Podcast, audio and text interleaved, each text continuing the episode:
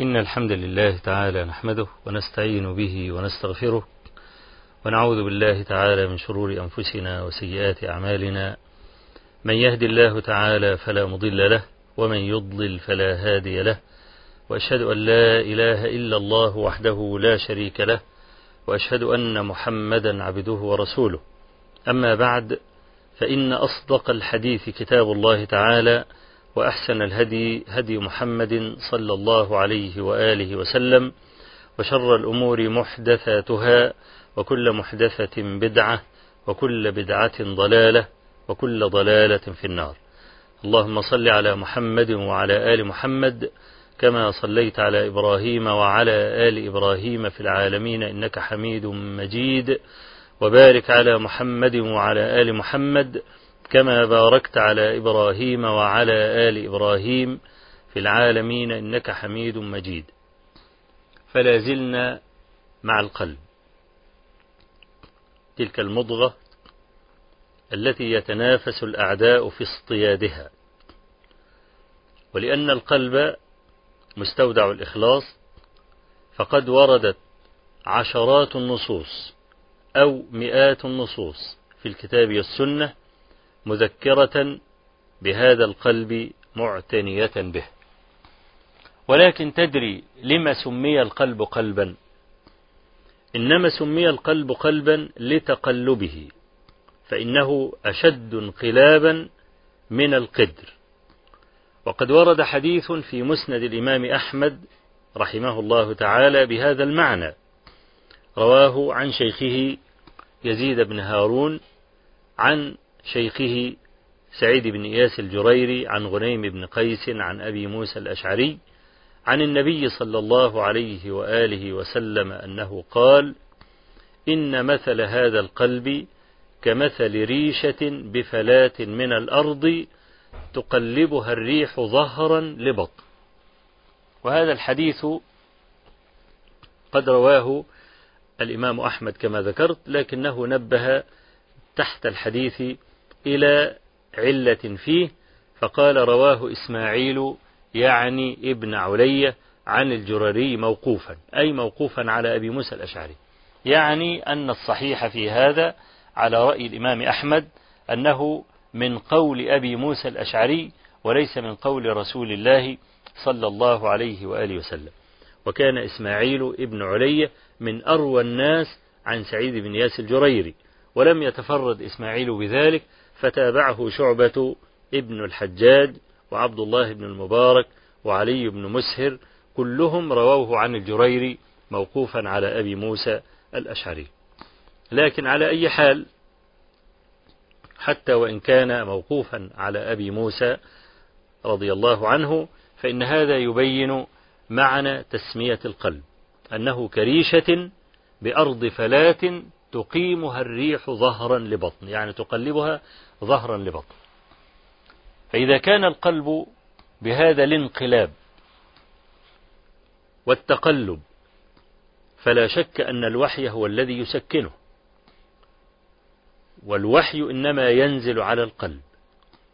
كما قال رب العالمين سبحانه وتعالى قل من كان عدوا لجبريل فإنه نزله على قلبك بإذن الله. وقال الله تعالى نزل به الروح الأمين على قلبك لتكون من المنذرين. فإنما ينزل الوحي على هذا القلب فإذا استفاد القلب منه سكن وإلا فهو كريشة بأرض فلاة تقيمها الريح ظهرا لبطن. وهذا الوحي أيضا وهذا القلب أيضا الذي يستقبل الوحي قد بين لنا رسول الله صلى الله عليه وآله وسلم معنى الوحي بالنسبة لهذا القلب. إن الوحي أمانة وإن الوحي ثقيل لأنه مكلف. كما ذكرنا قبل ذلك قد يشرد المرء في جنبات الأرض. هذا الوحي الذي يوزن المرء باتباعه يوم القيامة. فقد روى البخاري في صحيحه من حديث زيد بن ثابت رضي الله عنه أنه كان يكتب في مجلس رسول الله صلى الله عليه وسلم آية نزلت لا يستوي القاعدون من المؤمنين والمجاهدون في سبيل الله هكذا نزلت أولا. قال زيد فأملاها علي رسول الله صلى الله عليه وسلم وفخذه على فخذي. فجاء ابن أم مكتوم وكان رجلا أعمى. فقال والله يا رسول الله لو كنت أستطيع أن أجاهد لجاهدت. قال فنزل. قوله تعالى غير أولي الضرر. لا يستوي القاعدون. من المؤمنين غير أولي الضرر والمجاهدون في سبيل الله. قال زيد فكادت فخذه أن ترد فخذي أي أن تدقها من شدة أو من ثقل الوحي الذي نزل على رسول الله صلى الله عليه وآله وسلم. وفي مسند الإمام أحمد وهو في مستدرك الحاكم أيضا وصححه وفي دلائل النبوة للبيهقي من حديث عائشة رضي الله عنها. قالت أوحي لرسول الله صلى الله عليه وسلم أوحي إليه وهو يركب على ناقته فبركت الناقة. لما نزل الوحي على النبي صلى الله عليه وسلم بركت الناقة ولم تستطع أن تحمله صلى الله عليه وسلم. زاد الحاكم في روايته عن عائشة رضي الله عنها قالت وإن شئت فقرأ إنا سنلقي عليك قولا ثقيلا. فهذا القول الثقيل اللي هو الوحي اللي هو أوامر ونواهي كما ذكرنا في الحلقة الماضية ويطالب العبد أن يقف على حدود الله سبحانه وتعالى. فهذا القلب إذا لم يكن ثابتا إذا لم يكن قويا لم يستطع أن يتلقى هذا الوحي. وأنا أقول لكم شيئا. الإنسان إذا كان عنده مال زائد. هذا المال الزائد هو يعني يدخره لوقت يحتاج إليه فيه. طيب الإيمان. يعني الإنسان مثلا أحد الذين يسمعون الحلقة اليوم هل هو يحتاج إلى كل شيء فيها؟ لا حالته الحالة قد يحتاج إلى بعض ما في هذا الكلام. يعني يأخذ مثلا ربع الحلقة تلت الحلقة خمس الحلقة من المعاني يستفيد منها. وفي أناس كثيرون حدثوني أنهم استفادوا من كلمة عابرة أو انحلت مشكلة في بيت بكلمة عابرة. هذه الكلمة كان محتاجا إليها. طب بقية المحاضرة يعني من النهاردة مثلا نتكلم لمدة ساعتين. استفاد هو بنصف دقيقة مثلا. طب بقية الكلام أين يذهب؟ المفترض أن يخزن في القلب ده رصيد إيماني. يعني سأحاول أن أقرب المعنى بأن أقول مثلا نسميها الحقيبة الإيمانية. مثلا المعاني التي لا تحتاج إليها في الحال المفترض أنك أنت بتدخرها هذا إيمان لأنه كلام مبني على الوحي قرآنا وسنة. فيبقى الكلام اللي أنت تحتاج إليه أخذته والذي لا تحتاج إليه تأخذ تدخره في الحقيبة الإيمانية. أو في قلبك. حتى إذا أتت مصيبة أو كارثة أو شيء لا تطيقه استفدت بهذا الإيمان. هو الناس اللي إذا وقعت عليهم مصيبة ينهار يجي له ذبحة صدرية يجي له تصلب شرايين يجي له جلطة مثلا. وبكل أسف يكون هذا في الغالب في الدنيا. يتحرق المصنع بتاعه يجي له جلطة يجي له ذبحة الكلام ده. ليه؟ لأن حياته كلها كانت هذا المصنع. خلاص وبعدين هو كبر في السن. ولا يستطيع أن يتدارك ما فاته. انتهى. خلاص. لماذا لا يصبر؟ كما قلنا في الحلقة الماضية لما مر النبي صلى الله عليه وسلم على قبر جديد وعنده امرأة تبكي. فقال يا أمة الله اتق الله واصبري. قالت إليك عني فإنك لم تصب بمصيبتي. فلما أتته المرأة بعدما علمت أنه رسول الله اعتذرت إليه فقال لها إنما الصبر عند الصدمة الأولى. الصبر ده هو الرصيد الإيماني.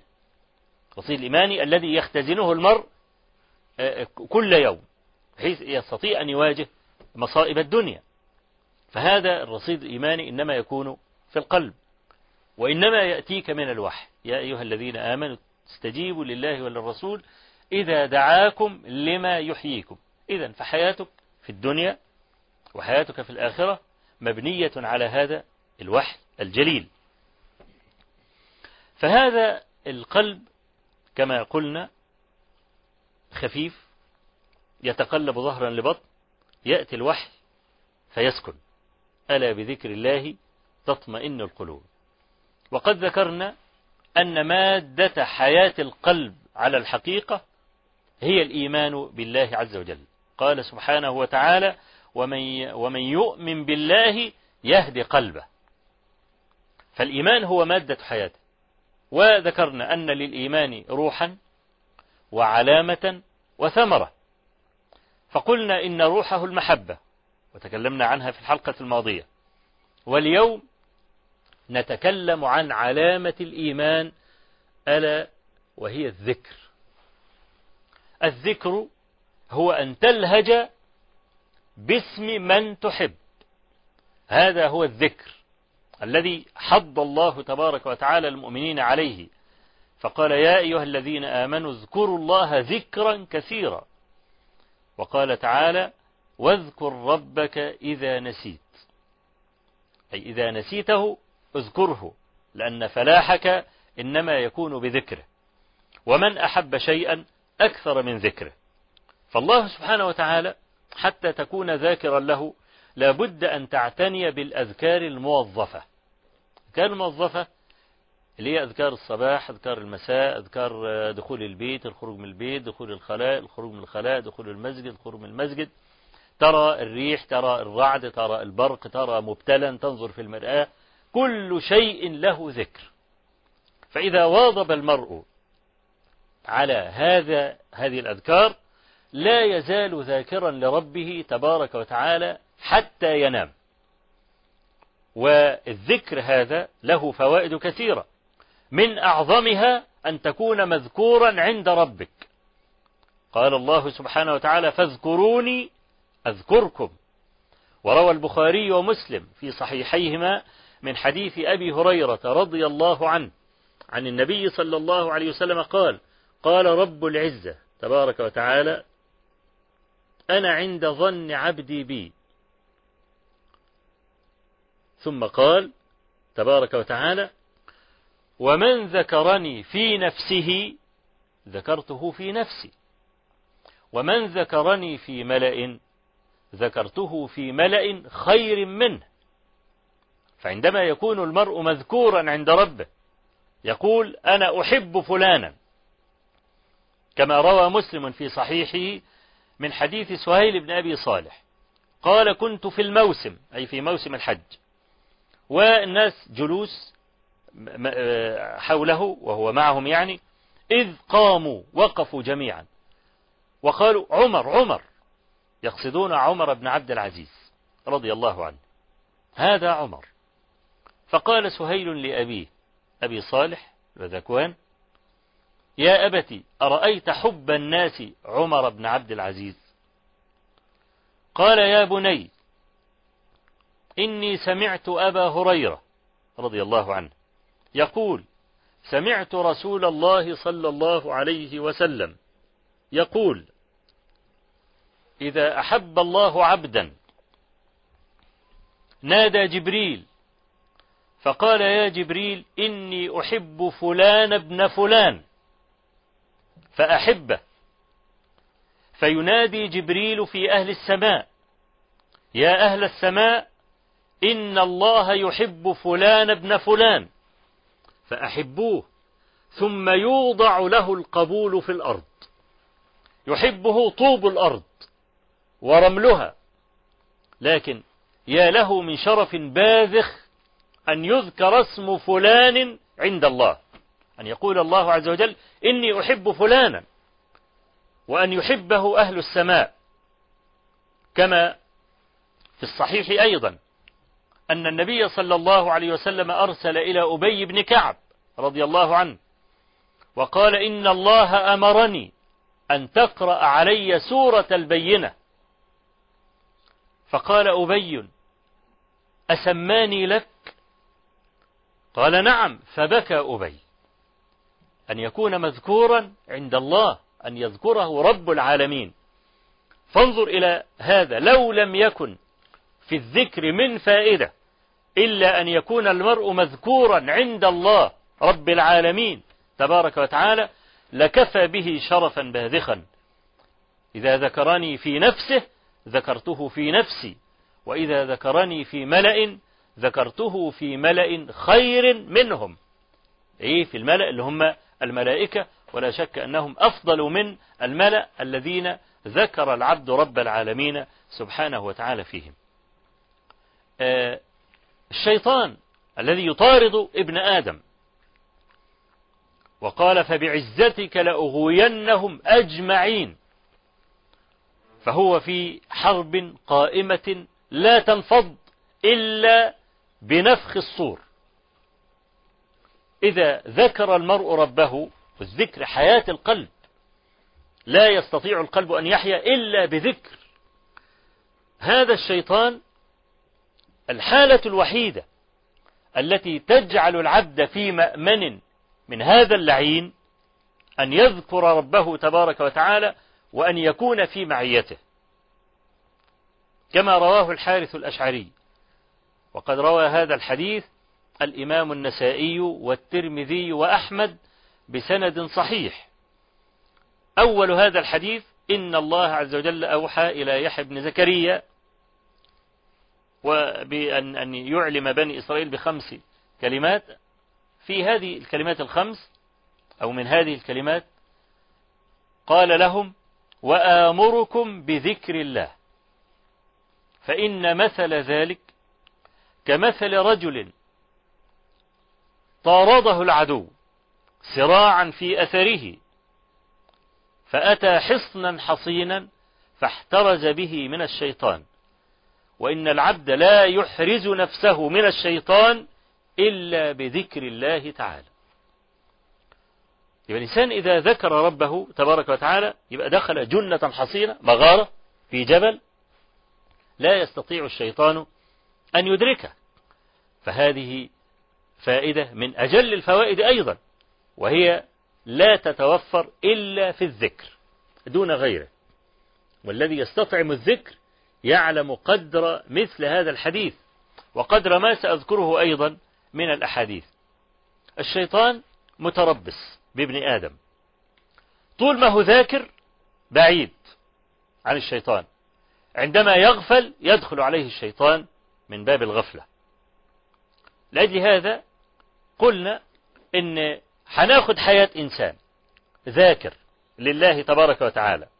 وننظر ما في الأذكار من المعاني. لأن الإشكال أن العبد لما يقول الأذكار دون أن يتدبرها لا يستطعم حقيقة الذكر. وليس من عرف وذاق كمن قرأ فقط.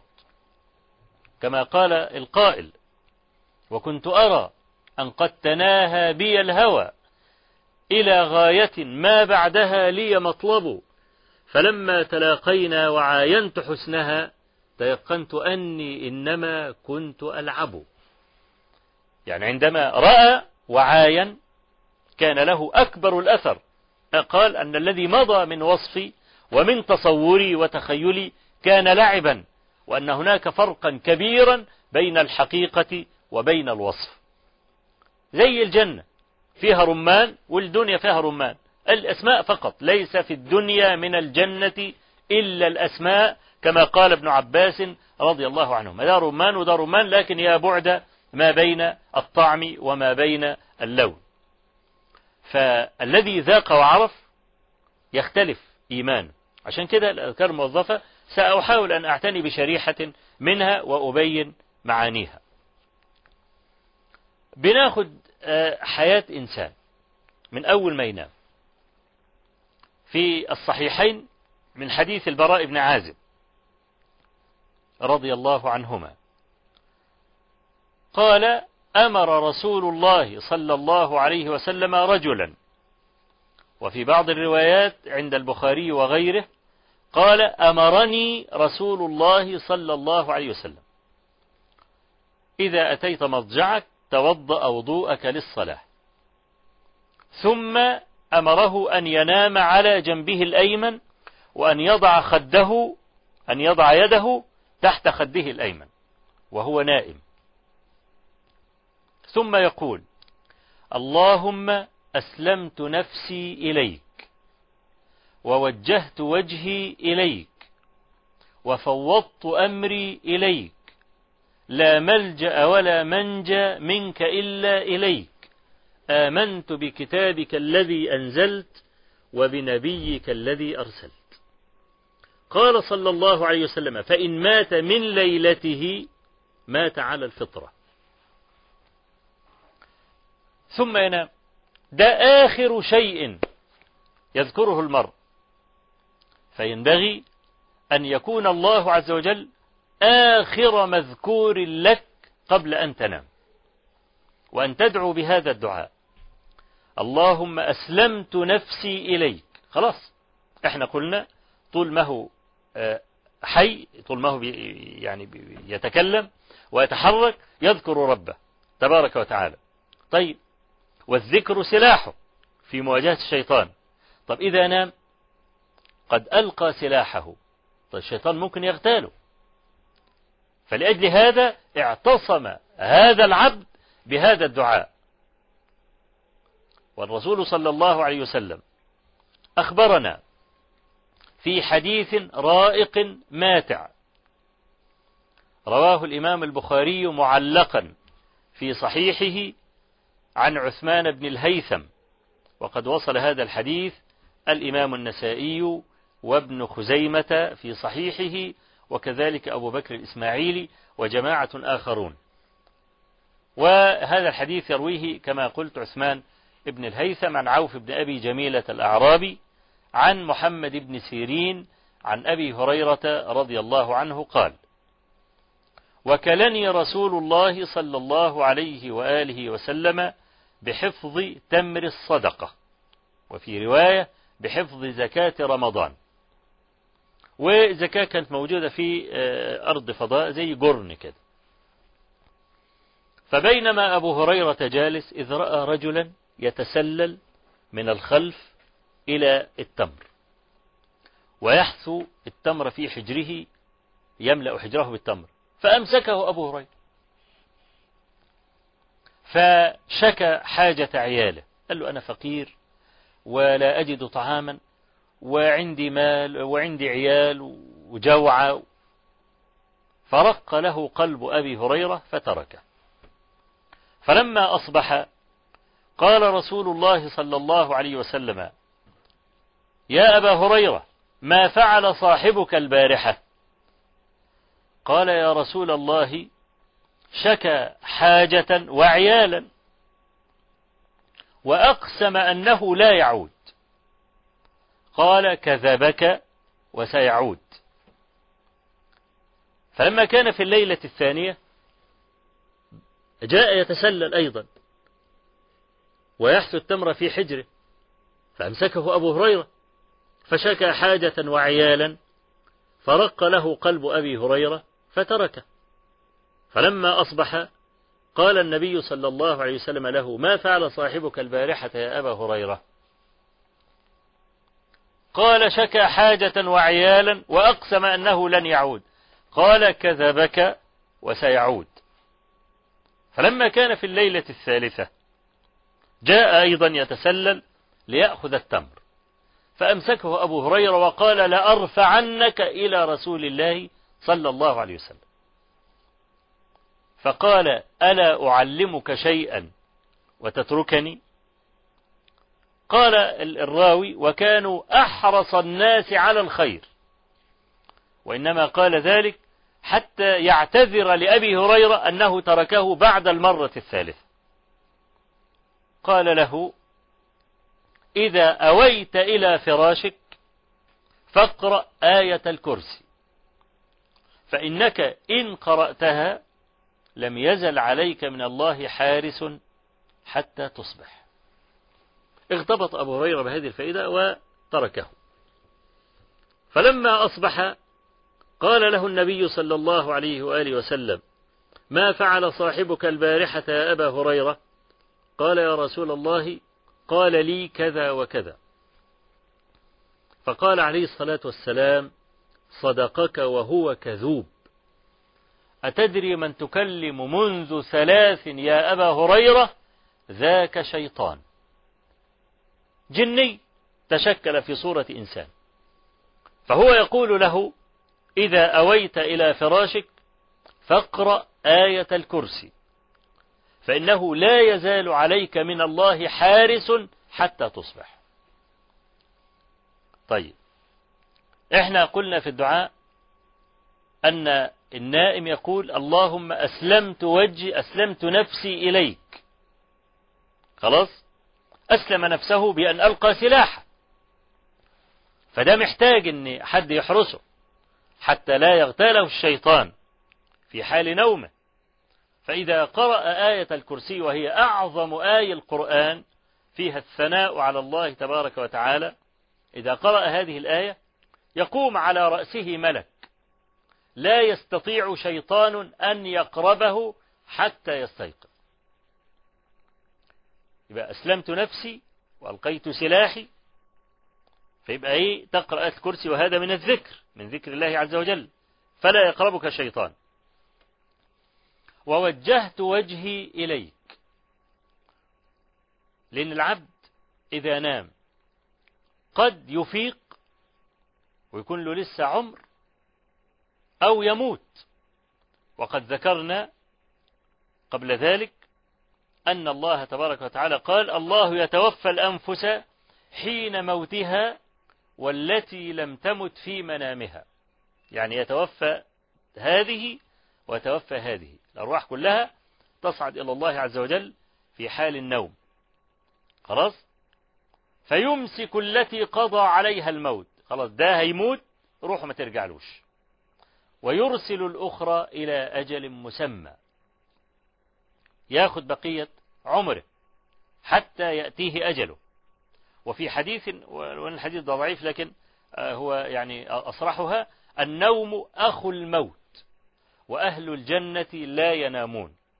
لكن في حديث حذيفة ابن اليمان عند البخاري أنه كان يقول أن النبي صلى الله عليه وسلم كان يقول إذا استيقظ الحمد لله الذي أحيانا بعدما أماتنا وإليه النشور. طب بعدما أماتنا أي بعدما كنا نياما. فهذا فيه صراحة على أن النوم نوع من الموت. خلاص؟ فأنت إما أنك أنت روحك ترجع لك مرة أخرى وإما أنك أنت تموت خلاص وتبقى جثة هامدة وروح ما تنزلش. لأجل هذا قال وجهت وجهي إليك. يعني إذا قبضت نفسي اللهم إن أمسكت نفسي فاغفر لها وارحمها وإن أرسلتها فاحفظها بما تحفظ به عبادك الصالحين. وده برضو نص في أن النوم نوع من الموت. خلاص؟ يبقى أنا إذا مت فقد وجهت وجهي إليك. وألجأت ظهري إليك. طبعا الإنسان إنما يغتال من ظهره. طب ده نايم. إزاي يحصن نفسه؟ قلنا يحصن نفسه بقراءة آية الكرسي. خلاص؟ وفوضت نف وفوضت أمري إليك. التفويض غير التوكل. وهناك من العلماء من يقول التفويض هو التوكل أو التفويض أعلى من التوكل أو التوكل أعلى من التفويض.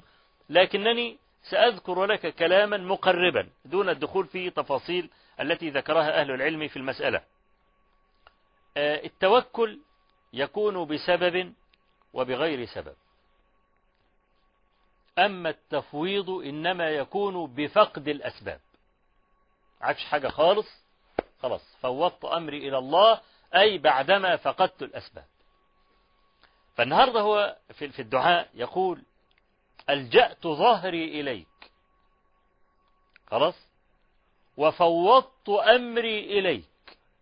يعني أنا إذا نمت لا حيلة لي خلاص. لا أستطيع أن أحمي نفسي لأنني نائم. طب أنا وأنا مستيقظ أذكر فأحصن نفسي. طب أنا نايم. يبقى خلاص فقدت وسيلة الدفاع. فأنا ألجأت ظهري إليك حتى لا يغتالني الشيطان في حال نومي وإلقاء سلاحي. ولذلك قال فوضت أبري إليك إشارة إلى العجز الكامل له وأنه ليس بذاكر في حال نومه فألجأ ظهره إلى ربه تبارك وتعالى. التفويض إذن هو فقد الأسباب. يعني مثلا أذكر مثلا لتقريب هذا الفقد فقد الأسباب دي. وهذا الحديث أورده الإمام البخاري رحمه الله في كتاب الكفالة. عن أبي هريرة رضي الله عنه قال قال رسول الله صلى الله عليه وسلم تسلف رجل من رجل ألف دينار. واحد راح يستلف من واحد ألف دينار.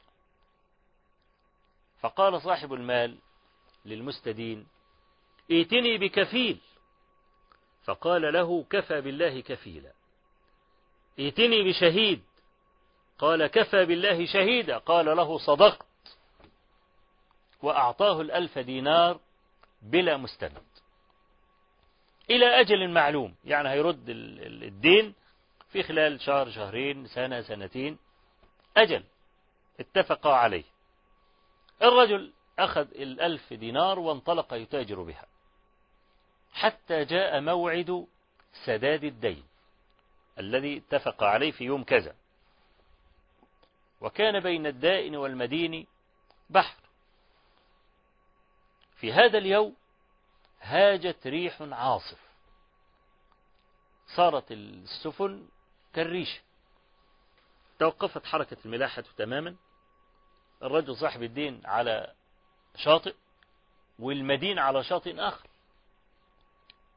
المدين معه ألف دينار. ينتظر مركبا ليعبر البحر حتى يذهب إلى صاحبه. لم يجد. انتظر طويلا فلم يجد. الرجل صاحب الدين على الشاطئ الآخر ينتظر. في بعض الروايات أنه سأل جماعة عنه ألم تروا فلانا؟ قالوا رأيناه يتاجر في البحر. رأيناه؟ يعني ولم يأتي؟ خلاص زي ما إحنا بنقول كده عليه العوض. ذهب المبلغ راحت الفلوس. وأساء الظن بصاحبه. الرجل المدين واقف على شاطئ البحر ماذا أفعل؟ لما يئس أن يجد مركبا أتى بخشبة؟ فنقرها. عمل في الخشبة حفرة كده وحط السرة فيها ألف دينار وفي هذه السرة كتاب منه إلى صاحبه. أنني وقفت كثيرا ولم أجد مركبا. خلاص؟ وبعدين زجج عليها يعني مسمر الخشبة. ورفع بصره إلى السماء. وقال رب جعلتك كفيلا ووكيلا. فأرسل هذا الدين إلى صاحبه وقذف بالخشبة في البحر. سبحان الله خشبة السفينة العملاقة تصير كالريش. يبقى الخشبة دي تطلع إيه يعني؟ سيبتلعها البحر.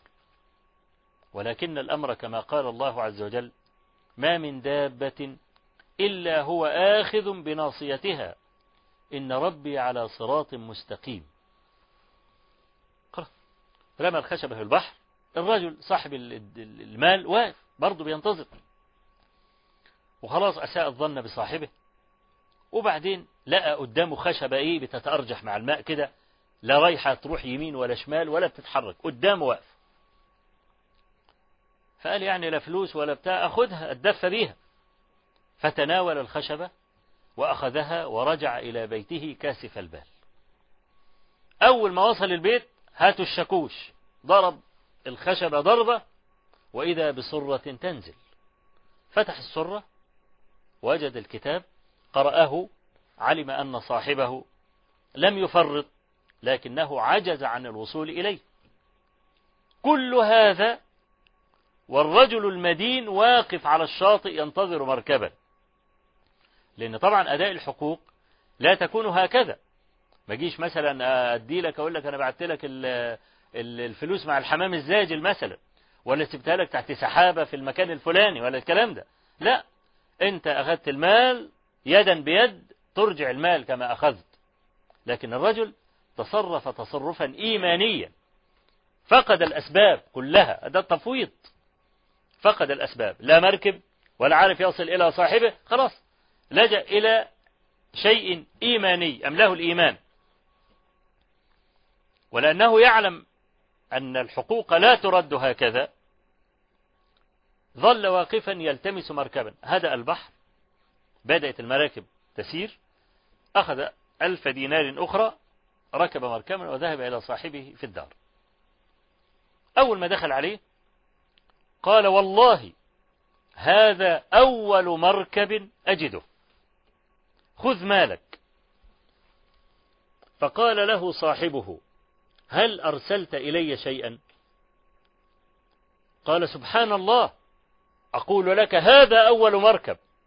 أنا بقول لكم الرجل تصرف تصرفا إيمانيا. خلاص هو حاجز اللي عمله مع ربنا. حبش حد يعرفه.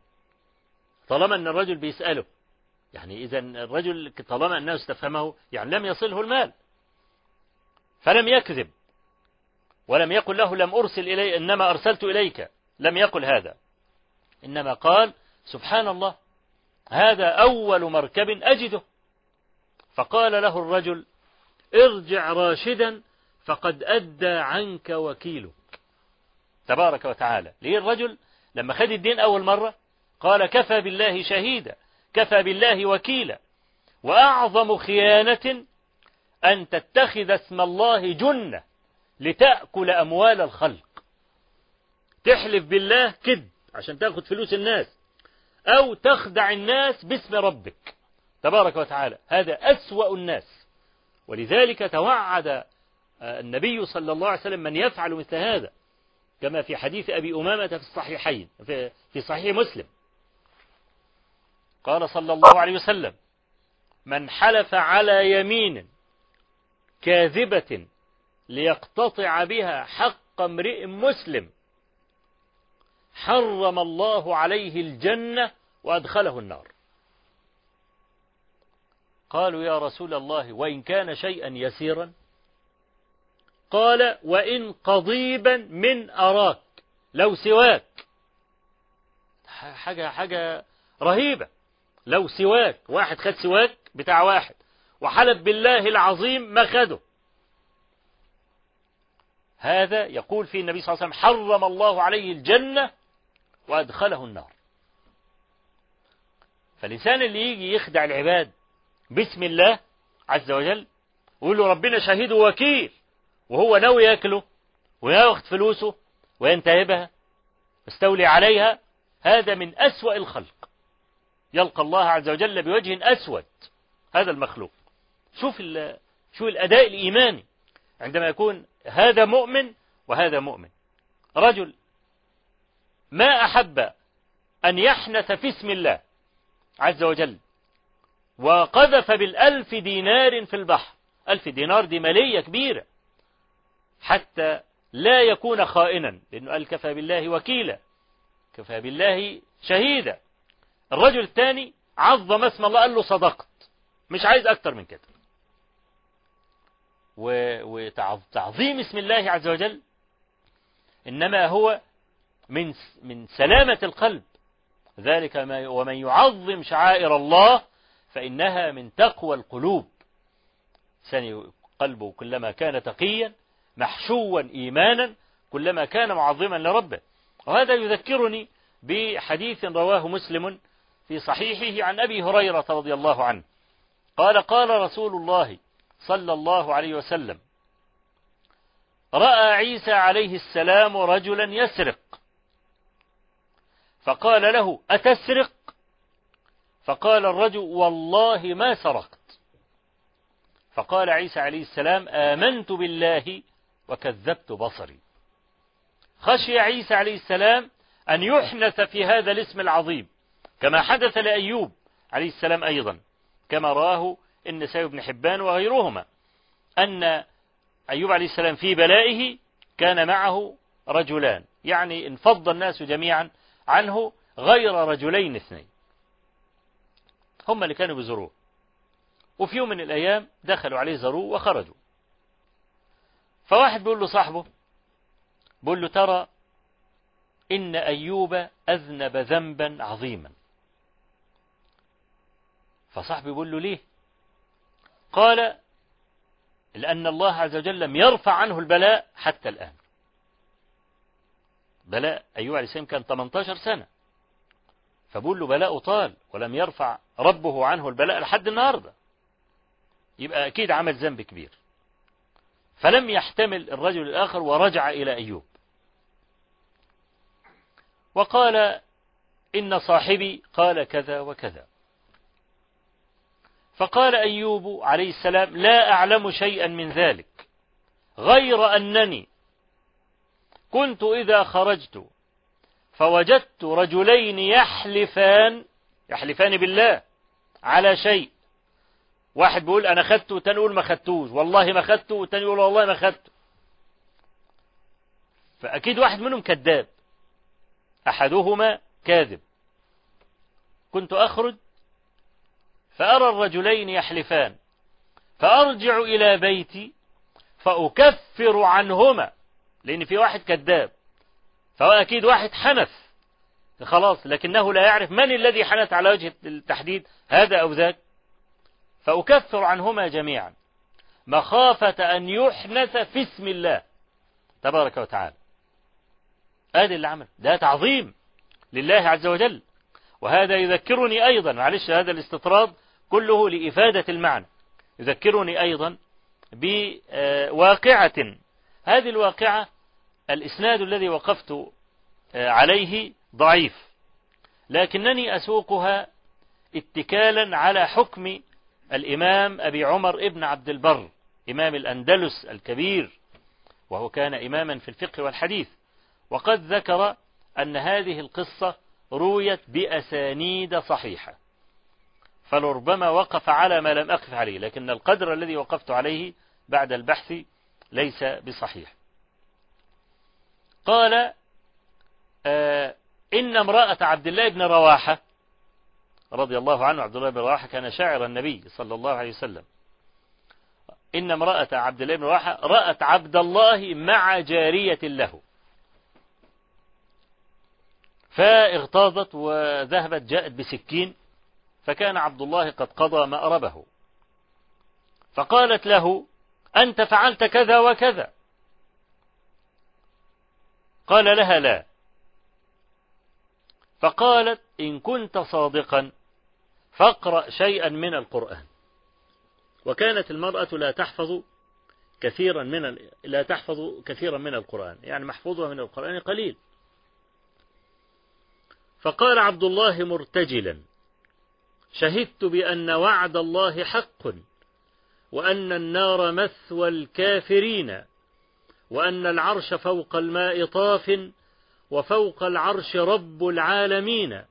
وتحمله ملائكة غلاظ ملائكة الإله مسومين.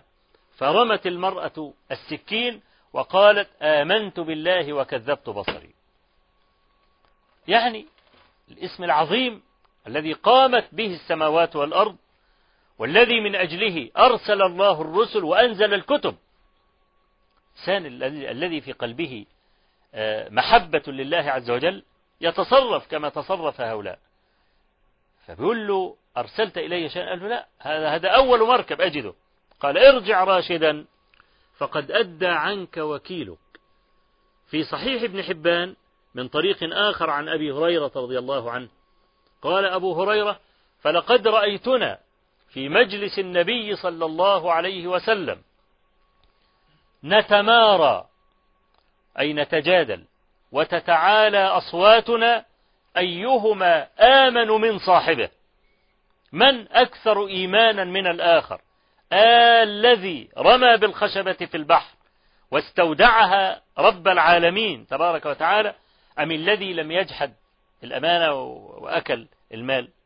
ولقد رأيتنا تتعالى أصواتنا عند رسول الله صلى الله عليه وسلم. أيهما آمن من صاحبه؟ التفويض اللي هو فقد الأسباب. يعني مرة كنت مسافر في رحلة دعوية لبعض البلاد الغربية. وبعدين كان بجانبي رجل لا أعرفه طبعا. أول ما الطائرة أقلعت وفارقت الأرض الرجل وشه اصفر وقال إنا لله وإنا إليه راجعون. خلاص ما عدناش نقدر نعمل حاجة. اللي طارت الطائرة يعني لو سقطت الطائرة هيموت. وقل أن ينجو ناج يعني الطائرة وفي الجو. المضيف ولا المضيف يقول لك تعليمات السلام. اللي مش عارف إيه النور من هنا ودي ابواب اللي مش عارف إيه ودي سترة النجاة تسعة وتسعين وتسعمية تسعة وتسعين من ألف. من حوادث الطيران لم ينجو أحد. يعني إذا مثلا نجا يبقى نجا مثلا من كل مئة حادثة. حادثة مثلا. وينجو إيه؟ يعني واحد اثنين ثلاثة يعني حاجات إيه قليلة بالنسبة للعدد الكبير الذي يركب الطائرة. فالرجل ده أول ما الطائرة أقلعت وطارت في الهواء عليه العوض. خلاص ما عدناش نقدر نعمل حاجة.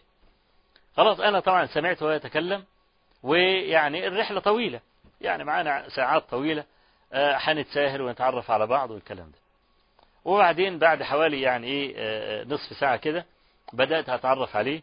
وبعدين دردشة كده وبعدين قلت له بقى قلت له إن سمعتك وأنت يعني الطيارة بتطير قلت كذا كذا كذا. قال لي طبعا. هو إحنا فوق كده نقدر نعمل حاجة؟ قلت له هو أنت وأنت ماشي على الأرض ملكت أمرك؟ هو أنت فاكر عشان ماشي على الأرض تقدر تعمل حاجة برضه؟ لا ما تقدرش تعمل حاجة أبدا. إنما يعني أنت بيد ربك سبحانه وتعالى. المكتوب عليك هتشوف. فسواء أنت في السماء ولا في الأرض ولا في البحر أنت ما أنت بيد الله. سبحانه وتعالى. فعشان كده النبي صلى الله عليه وسلم علمنا بقى. قال فوضت أمري إليك. خلاص. أنا نمت. ليس في يدي شيء مطلقا أستطيع أن أعمله وفي عدو لا ينام اللي هو الشيطان. عشان كده الحسن البصري سئل أينام إبليس؟ قال لو نام لوجدنا راحة. ده ما بينامش أبدا. هو الجماعة بتوعه يعني على طول شغالين على بني آدم كما في حديث جابر بن عبد الله الأنصاري في صحيح مسلم. إذا أصبح إبليس أرسل سراياه تترى إلى بني آدم. تترى يعني متواترة. سرية ورا سرية ورا سرية ورا سرية ليل ونهار. لا ينامون مطلقا. كل ده يجدون في إغواء بني آدم. يقول النبي صلى الله عليه وسلم في هذا الذكر الجميل وده آخر حاجة أنت بتقولها. يعني ممكن تموت وممكن تستيقظ. فإذا استيقظت فقد استفدت بحماية الله لك من الشيطان. وإذا مت مت على الفطرة كما قال صلى الله عليه وسلم في آخر هذا الحديث. فإن مات من ليلته مات على الفطرة. يبقى أسلمت نفسي إليك وجهت وجهي إليك ألجأت ظهري إليك فوضت أمري إليك لا ملجأ ولا منجى منك إلا إليك. أنت عندما تفر تفر من إلى تفر من جهة إلى جهة أخرى مخالفة. تفر من جهة الخوف إلى جهة الأمن. إنما فيما يتعلق برب العالمين تروح فين؟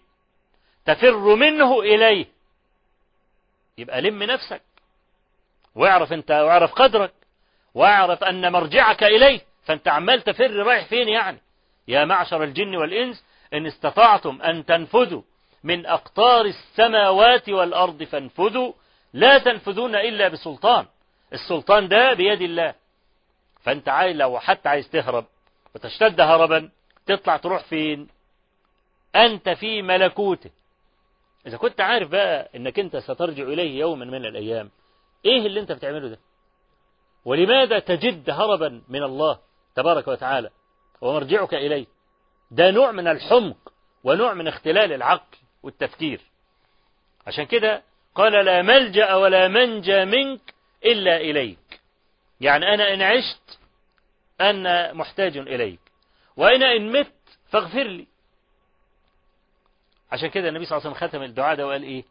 فإن مات من ليلته مات على الفطرة أي مات على الإسلام. طيب نمت وكان لك عمر وبعدين استيقظت من نومك. يكون أول مذكور هو الله سبحانه وتعالى. فأول ما يفتح عينه وهو على سريره. يقول الحمد لله الذي أحيانا بعدما أماتنا وإليه النشور. بعدين يقول كما في حديث ابن مسعود في صحيح مسلم أصبحنا وأصبح الملك لله والحمد لله ولا إله إلا الله وحده لا شريك له. أشوف الذكر ده؟ إعلان فقر إعلان فقر.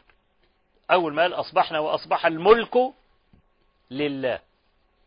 يعني أنا ليس لي فيه شيء. رب إني لما أنزلت إلي من خير فقير. عايز أي حاجة أي حاجة من عندك. يبقى أول أول كلام تكلم به قال رب إني فقير إذ الملك لك. وبعدين قال والحمد لله. أي الحمد لله أن الملك له تبارك وتعالى ليس لغيره.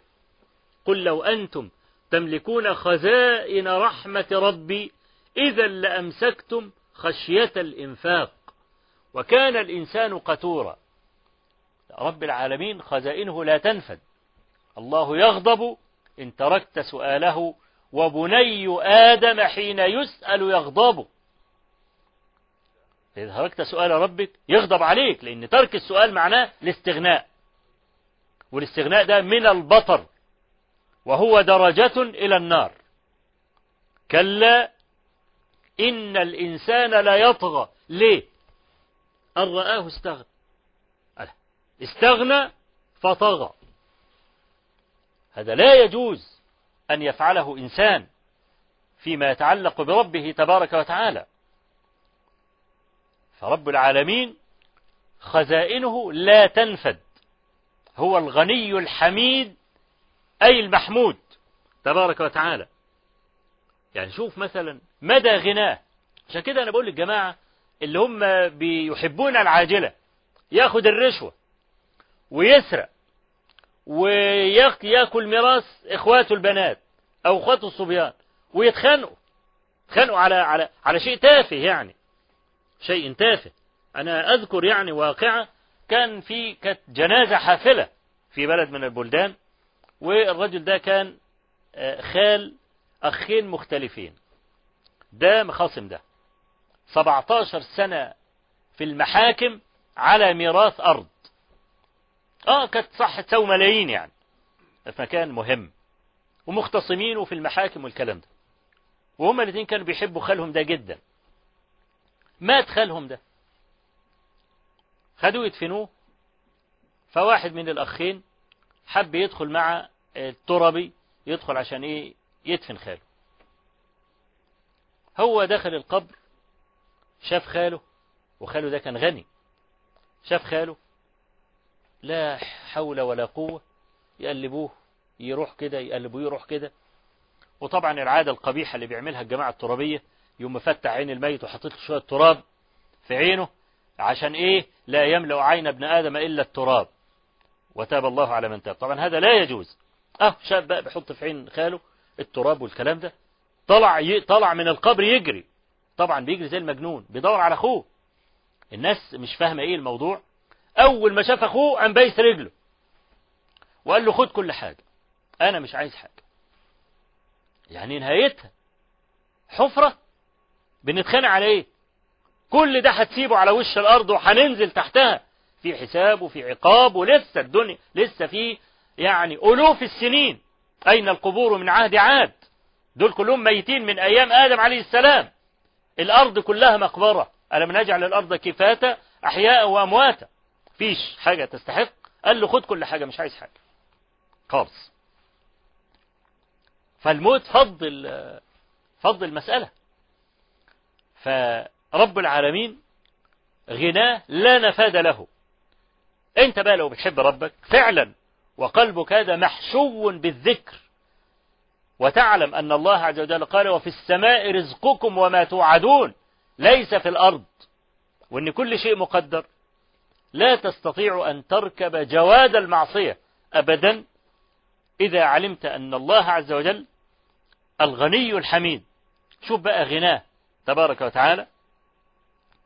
قال صلى الله عليه وسلم يد الله ملأى سحاء ينفق كيف يشاء. انظر إليه كم أنفق منذ خلق السماوات والأرض. ده ده يعني أنا عايز بس الجماعة اللي, اللي, اللي بيحسبوها كده ويقول لك إحنا بتوع الحساب. أنا بس عايزك تحسبها كده. يعني انظر إليه كم أنفق منذ خلق السماوات والأرض. يعني قرون. إحنا قرن من ضمن القرون. جيل من الأجيال. طبعا سبقنا أجيال كانوا أغنى منا بكثير وكانوا أشد منا قوة. قوم عاد دول كانوا بينحتوا الجبال. حد يعمل له مثلا فيلا ولا حاجة ولا يعمل له بتاع؟ كان يروح ينحت الجبل. يعمل ثلاث إوض وصالة عشر إوض ومش عارف إيه والكلام ده بإيده. يعني إحنا ولا حاجة بالنسبة لي غنى هؤلاء وقوة الذين سبقونا. طب أنا النهاردة لو عايز أقول لأي إنسان أهوت آه احسب لي الكرة الأرضية دي كلها بكام؟ تساوي كام؟ ما يعرفش يجيب أرقام مفيش رقم. يستطيع الإنسان أن يقول الكرة الأرضية تساوي كذا. يعني مثلا في القاهرة من كام سنة كده العمارة على النيل شقتين. شقة بخمسين مليون وشقة بثلاثين مليون. هي شقة على النيل والتانية على الفيل. أم 30 مليون دي. 30 مليون عشان إيه يعني؟ فيها إيه الشقة؟ طب اللي خدها ده هو بيستمتع بيها؟ ده رجل أعمال. ده مش فاضي. ده طول النهار يا في يا طاير في الهواء رايح من بلد لبلد عشان يعمل صفقات. يا طول النهار في المصانع يا محبوس في المكتب يا عمال يتكلم في المحمول. حياته كلها كده. إمتى هذا المسكين بيروح البيت عنده ويشوف مية النيل؟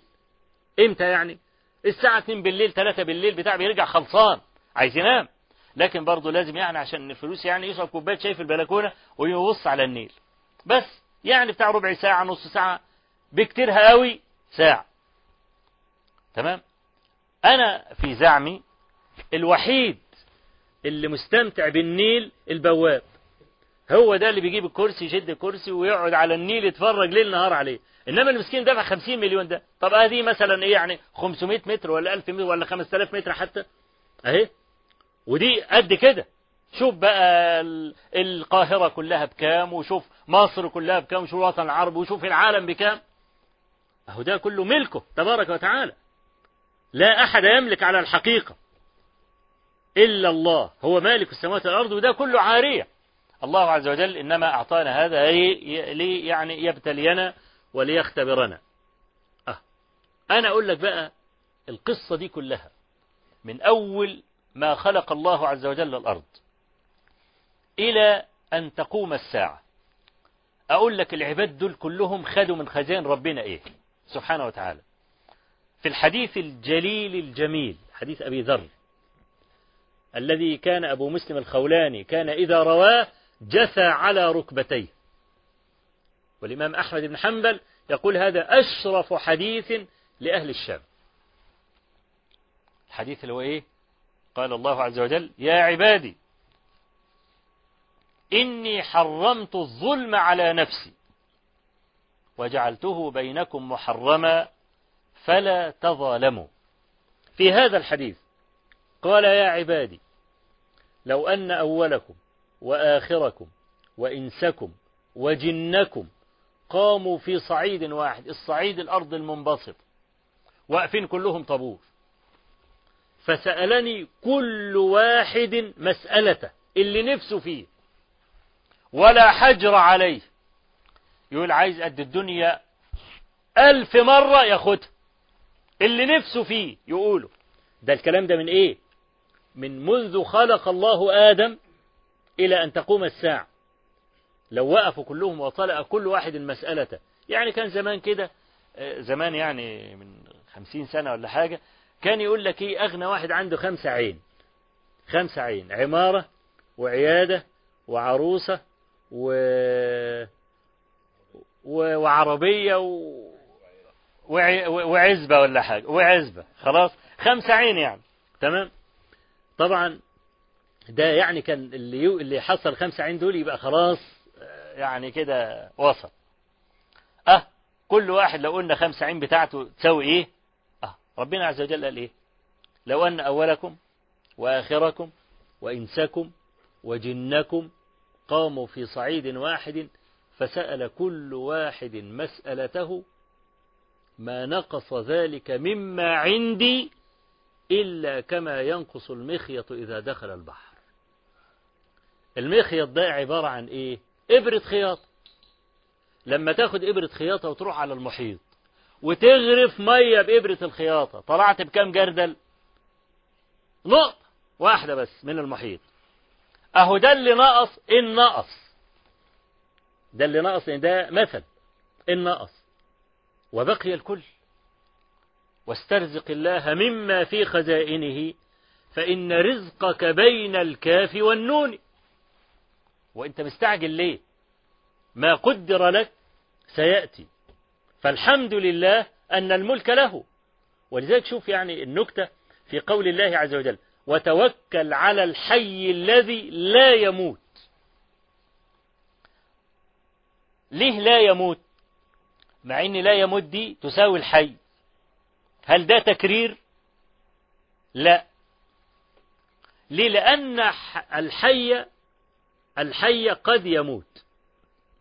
حياة الله عز وجل مباينة لحياة خلقه فحياته صفة ذات تبارك وتعالى.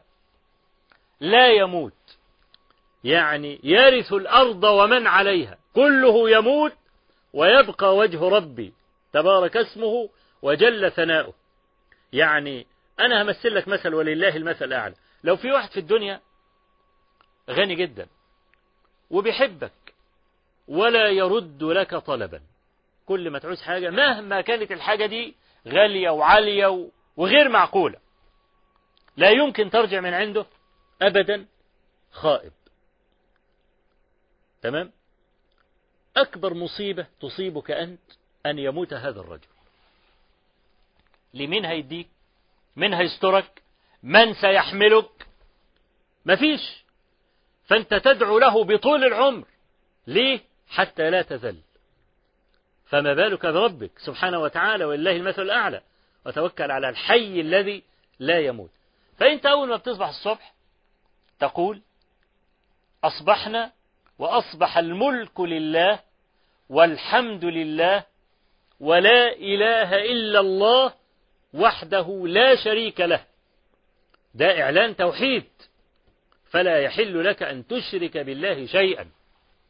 وطبعا التوحيد ده إحنا لنا معاه كلام طويل. عندما نأتي على منافذ الشيطان الستة التي يدخل منها لبني آدم. أولها الكفر. إن هو عايز يخليه يكفر بالله. فإحنا برضو عشان نعرف كيف نتقي هذا الكفر لابد أن نعلم التوحيد علما جيدا. يبقى إذن الذكر ده ال الذي علمناه النبي صلى الله عليه وسلم ما بين نومك واستيقاظك أهي دي مسافة أنت أمنت نفسك بالذكر وإن العبد أحصن ما يكون بذكر الله تبارك وتعالى كما في حديث الحارث الأشعري والذي ذكرناه منذ قليل. يبقى آخر مذكور لك هو ربك وينبغي أن يكون أول مذكور لك هو ربك. ما بين الاستيقاظ إلى النوم اللي هو اليوم ده في أذكار كثيرة. الرسول عليه الصلاة والسلام علمنا كثيرا منها. إحنا عايزين ناخد شرايح زي ما قلت من هذه الأذكار وبعدين نتدبر فيها. دعاء الكرب. يعني إذا وقع المرء في كرب يقول إيه؟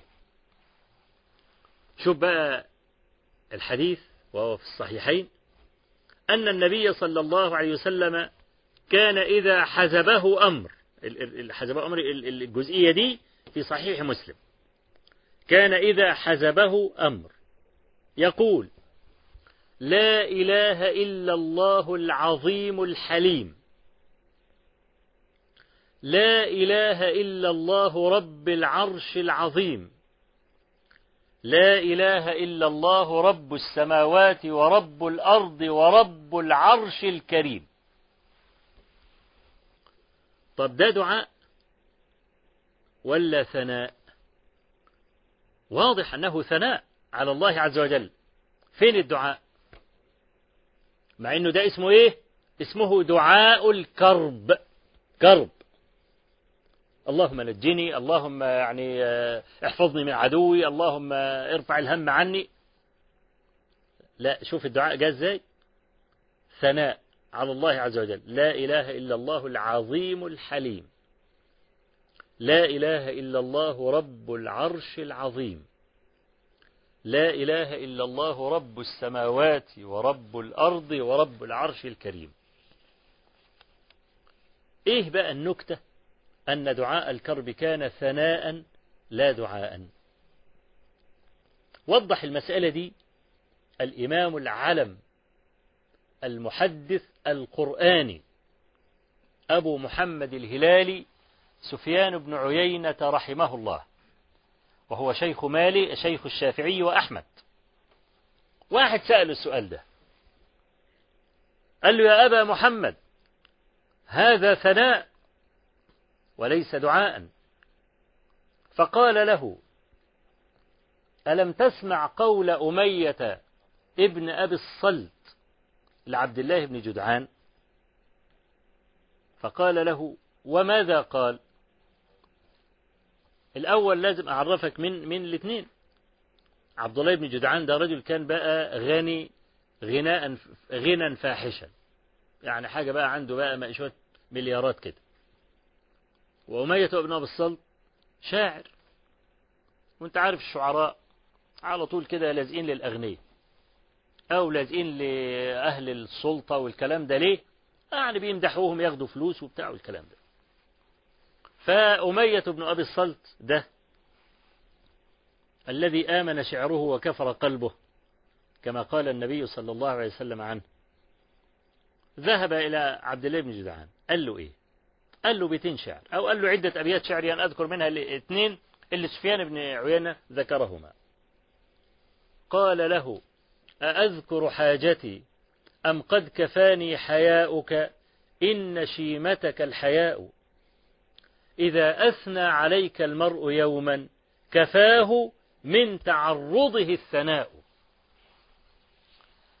فشوف بيقول له إيه؟ بيقول له يعني أقول اللي أنا عايزه. ولا أنت فهمني؟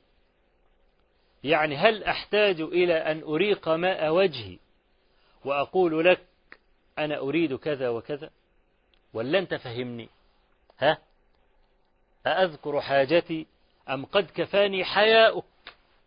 إن شيمتك الحياء. إذا أثنى عليك المرء يوما كفاه من تعرضه الثناء. يقابله ربنا يخليك ربنا يبارك فيك. ربنا يطول في عمرك. ده إحنا من غيرك ولا حاجة. ها؟ يقول كلام زي كده. أول ما يقول له ربنا يخليك ربنا يقوم مديله المعلوم على طول. يبقى خلاص هو فهم الموضوع. بس دون أن يريق ماء وجه قال سفيان بن عيينة فهذا بشر فكيف بالخالق عز وجل؟ هو أنت لما تكون واقع في ورطة هو رب العالمين مش عارف. وعارف إن أنت في ورطة. قبل وقدرها عليك قبل أن يخلق السماوات والأرض بخمسين ألف سنة. خلاص جفت الأقلام ورفعت الصحف. خلاص. لكن شغلت عن مصيبتك وشغلت عن همك بالثناء على ربك. هذا يعطيك أبلغ ما لو قلت ارفع عني. عشان كده شوف أيوب عليه السلام ربنا عز وجل قال عنه إيه؟ قال وأيوب إذ نادى ربه أني مسني الضر ما قالوش فاشفني إنما قال وأنت أرحم الراحمين. إن كانت الرحمة أن تزيد في بلائي وأن يظل كما هو أنا راض. إن كانت الرحمة أن ترفع عني فارفع عني. فوكل الأمر إلى ربه وهذا تمام التسليم. لله عز وجل. يعني ممكن أحيانا بعض الناس إذا شفي من علته صار مجرما. وأنا عندي حكايات وحواديت من المسألة دي. واحد من الناس زمان يعني منذ أكثر من خمس وعشرين سنة كان عنده شلل بسبب ثقب في القلب وكان فقيرا. بعض إخواننا ساعدوه الكلام ده وعالجوه بتاع المهم الله عز وجل أحيا العظام وهي رميم.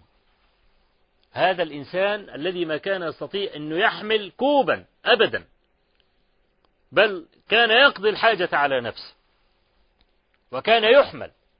أحياه الله وصار بشرا. كبر وبقى عضلات وبعدين طلع بره اشتغل في العراق فترة.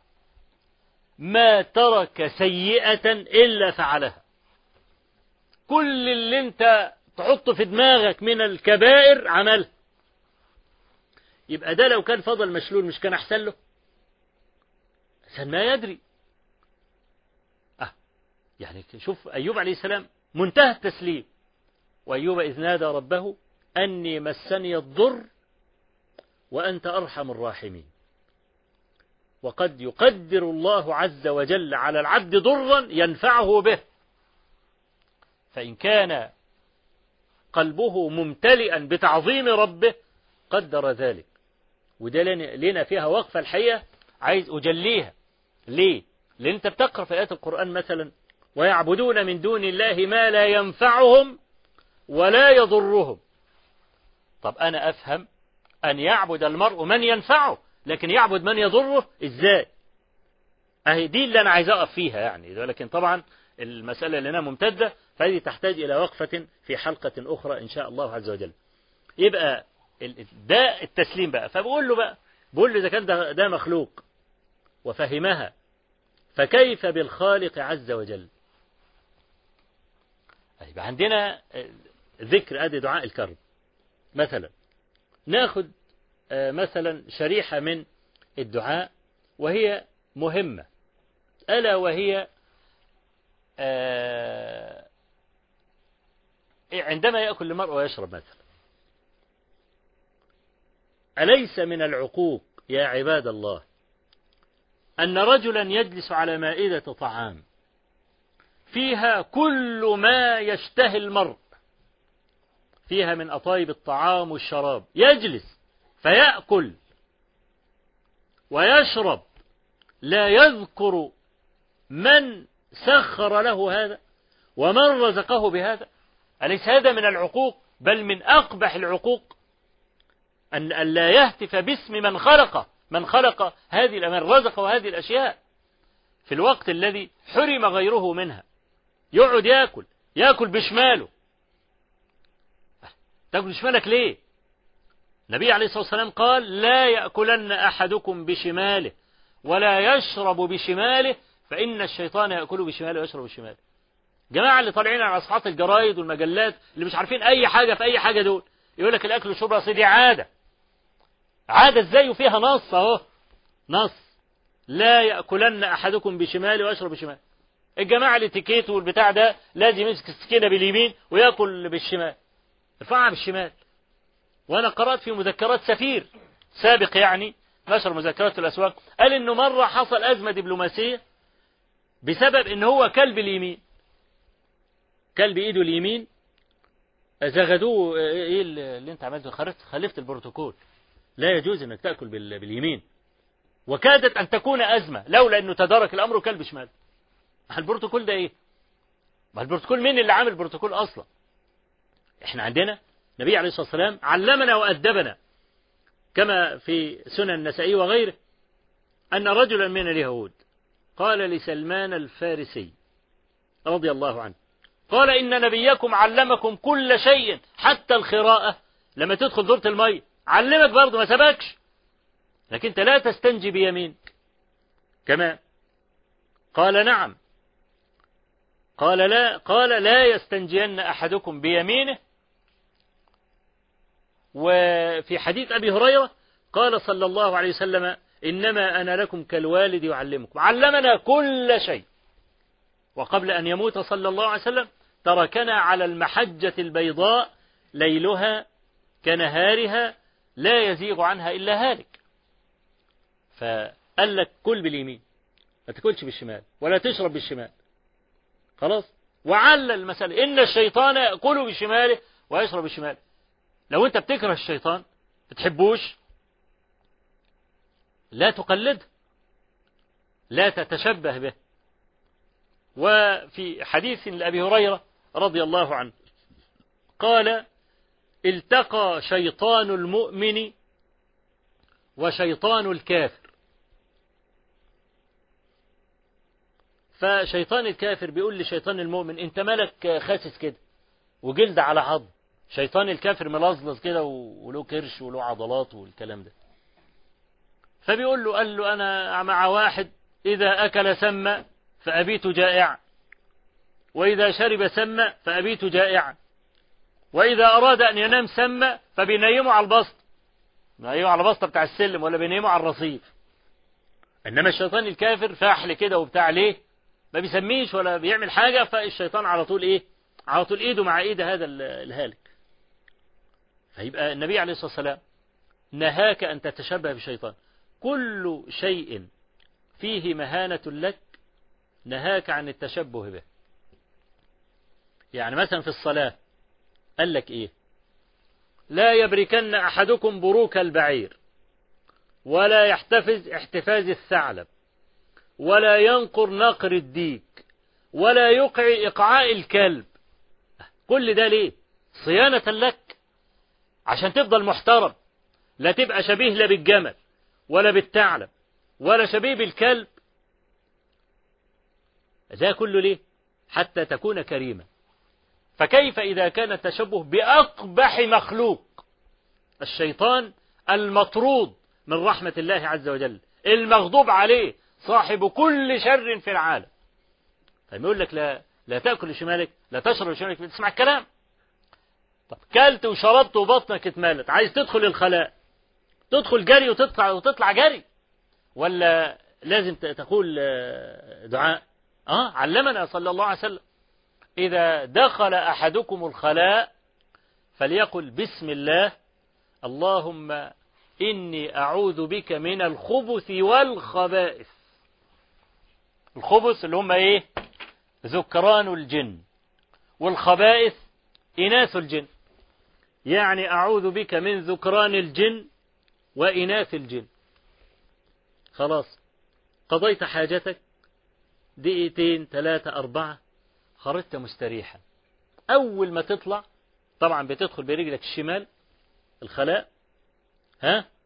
وتطلع برجلك اليمين. دخلت وأنت داخل برجلك الشمال قلت إيه؟ اللهم إني أعوذ بك من الخبث والخبائث. وأنت خارج تخرج برجلك اليمين ثم تقول غفرانك. كلمة واحدة. السهو عنها وعن غيرها من الأذكار فيه دلالة على أن الله عز وجل ليس في قلبك. إنما لما تكون ذاكر على طول كده لربك سبحانه وتعالى يبقى أنت محب. والمحب ذاكر وذكره لا يفتر المحب بيدخل اسم حبيبه في كل حاجة. يعني ولله المثل الأعلى. انت مثلا بتحب واحد ولا بتحب واحدة؟ بس يكون حب مشروع يعني عشان ما إيه عشان المسألة ما تفهمش غلط. آه واحد يقول لك إيه آه والله أنا بحب عصير المانجا. تقول والله وفلان بيحبه كمان. طيب ده أنا بحب آكل كذا فلان بيحب ده فلان بيكره كذا. يقول له فعلا وفلان بيكرهه برضه. طب أنا ام فلان أنت حشره ليه؟ بحب. خلاص. عمال أذكر اسمه على طول. فالمحب ذاكر على طول. أنت وأنت خارج. بتقول غفرانك. إيه معنى غفرانك دي؟ يعني رب اغفر لي لأنك لو عاقبتني لحبست في البول. أه. ما فيش حد يتحمل القصة دي؟ لا أحد يتحملها. اللي يعرف النعمة دي الذين أصيبوا بالفشل الكلوي. ربنا يعافيهم جميعا. المصاب بالفشل الكلوي ده اللي بيروح مرتين وثلاثة في الأسبوع. وينام عشان يستخلص البولين من الدم. انت في دقيقة واحدة بتعملها. يبقى لا تقل كلمة كلمة شكر واحدة تقول غفرانك حتى. يعني رب اغفر لي فإنه لولا أنك تفضلت علي لحبست في البول. وأنا أذكر لك حكاية يعني ويعني قبل أن أتلقى الأسئلة أختم بها والكلام عن الذكر لسه معانا مشوار في الكلام عن الذكر ليه؟ لأنه علامة الإيمان. مرة الإمام أبو يوسف رحمه الله صاحب أبي حنيفة. ما أبو حنيفة له صاحبان محمد بن الحسن الشيباني وأبو يوسف. وأبو يوسف مات قبل محمد ابن الحسن. وأبو يوسف ده مرة جالس مع هارون الرشيد فلا أن هارون الرشيد إيه؟ أخر صلاة العصر شوية فعايز يعني يفهمه إن ما ينفعش يأخر الصلاة. فضرب له مثلا. قال يا أمير المؤمنين أرأيت لو استبد بك العطش؟ في صحراء كده وحتموت من العطش. فجاء فأتاك رجل بكوب ماء. تديله إيه؟ قال أعطيه نصف مملكتي. طبعا مملكة هارون الرشيد دي ما كانتش عزبة كده ها؟ قد كده واسمها دولة وبتاع أول ما الطيارة تطلع تقوم داخلة المجال الجوي بتاع العزبة اللي جنبها. لا ما كانتش عزب. ده هارون الرشيد ده كانت الشمس تشرق وتغرب في مملكته وكان يخطب على المنبر يوما فرأى سحابة. فقال أيتها السحابة أمطري ماءك هنا أو هناك فسوف يأتيني خراجك إما زكاة وإما جزية. فنصف المملكة ده يعني حاجة مش بسيطة يعني. فبيقول له يعني لو استبد بك العطش هتموت من عطش وأنت في صحراء واحد جاب لك كوباية مية. قال لك الكوباية دي اشتريها مني. تدفع له كام؟ قال له أعطيه نصف مملكتي. قال له شربتها. ثم حبس فيك البول. فجالك طبيب قال لك أصرفه لك. تديله إيه؟ قال لك اديله النص الثاني قال يا أمير المؤمنين مملكة لا تساوي شربة ماء. سقاك الله سقاك الله مجانا. أعطاك الله مجانا. اللي هي الشربة دي. وصرفها لك مجانا. وأخرت له صلاة العصر. فاستحيا هارون. يعني شوف وعظ العلماء. يلف كده ويجيب كلام معقول وكلام مفحم ملزم. أه. مملكة لا تساوي شربة ماء. فأنت لما تدخل خلاء مطلوب منك تقول اللهم إني أعوذ بك من الخبث والخبائث لأن ممكن يركبك عفريت. ممكن يحصل لك مس في دورة المية فأنت عندما تقول أعوذ بك من الخبث والخبائث ربنا عز وجل يصونك. ها؟ خلي بالك من المسألة دي. دخلت وطلعت سليم والحمد لله. قول غفرانك اهي ثلاث كلمات. أعوذ بك من الخبث والخبائث غفرانك. إيه اللي يحصل لك يعني لما تقول الكلام ده؟ وتبقى ذاكر لربك ممتن لربك سبحانه وتعالى ذاكر لهذه النعمة شاكر لها. فالأذكار الموظفة يا إخواننا دي كلها تذكر العبد دائما بربه سبحانه وتعالى. وأنت تعرف البني آدم المحب من غير المحب إذا رأيت لسانه يجهر بهذه الأذكار الموظفة. ونتلقى إن شاء الله بعض الإتصالات لكن قبل أن يعني أتلقى الإتصالات وصلتني رسائل على المحمول فيها عتاب لي. أنني لا أرد على الهاتف. وبعض الإخوة شافهني بذلك أيضا بالهاتف. أنني لا أرد. أنا أتكلم في اليوم حوالي من خمس ساعات لست ساعات. أه وأنا بس من يوم ما إخواننا عتبوا عليا قلت أراقب بس المحمول وأقول لكم الإحصائية. يومين بس. يوم الحد اللي فات المحمول عندي سجل 514 مكالمة لم يرد عليها. النهاردة 563 مكالمة لم يرد عليها. طبعا اللي ما بين الأيام دي في 400 وكذا و300 وكذا. ما فيش أبدا لا 250 ولا 260 ولا الكلام ده. أنا برد بالظبط لو رديت على المحمول 10 مكالمات بستريح منه شوية لأنه يؤذي أذني. برد على التليفون الأرضي عشر مكالمات. وارجع تاني أرد على التليفون المحمول عشر مكالمات. أنا مقسمها كده. فأنا يعني معنى ذلك أن أنا ممكن أتلقى قرابة الألف مكالمة في اليوم. ألف مكالمة في اليوم ما أستطيع أن أرد عليها جميعا. ليه؟ لأن أنا عندي شغل. عندي مثلا كتب براجعها عندي مثلا مشاكل بحلها عندي تحضير لدرس عندي مثلا طلاب علم اللي ده يجي بيسأل سؤال وده الكلام ده فضلا عن الحياة الحياتية يعني. عندك أولاد وعندك بيت ومطلوب مصالح والكلام ده. فأنا لا أستطيع. فأنا عايز أقول لإخواني أنا أرد فعلا. لا أستطيع أن أزيد أكثر من خمس أو ست ساعات في اليوم. أبدا. في الرد. فأنا عشان كده بقول لإخواني يعني يصبروا يتصبروا. ولعل الله عز وجل يعني يعينني أسأل الله أن يعينني لي يعني إجابة طلباتكم. طيب تفضل. السلام عليكم. عليكم السلام ورحمة الله. ازي حضرتك يا عم الشيخ؟ الله يحفظك. جزاكم الله خيرا عن رب العالمين. بارك الله فيك. كنت عايزه استفسر حضرتك عن عندي سؤالين. أول سؤال آه، حضرتك قلت دلوقتي الحديث الرسول صلى الله عليه وسلم آه، إن لا يبرك أحدكم كالجمل في الصلاة. مم. فربنا يجزيك خير يا شيخ. هل هذا يعني ان, إن إحنا وإحنا بننزل في الصلاة للسجود ننزل آه، بال- بالركبتين اولا أم باليدين؟ طيب. و- وبكمال التحديث بس حتى لو توضيح صغير للكيفية في الصلاة لكل جزئية من الجزئيات. وأنا آه، آه، يعني حتى اتضح لنا في الصلاة. وربنا يجازيك خير. تاني تاني آه، تاني سؤال يا شيخ. مم. ربنا يجازيك خير. لو حضرتك تذكر نمرة تليفون حضرتك الأرضي للاستفسار عن أي شيء ويبقى جزاك الله خيرا عنا. ربنا يا رب يجعله في ميزان نعم. حسناتك ويبارك في عمرك. يا رب في بر وتقوى. بارك الله فيك. ماشي. طيب غيره؟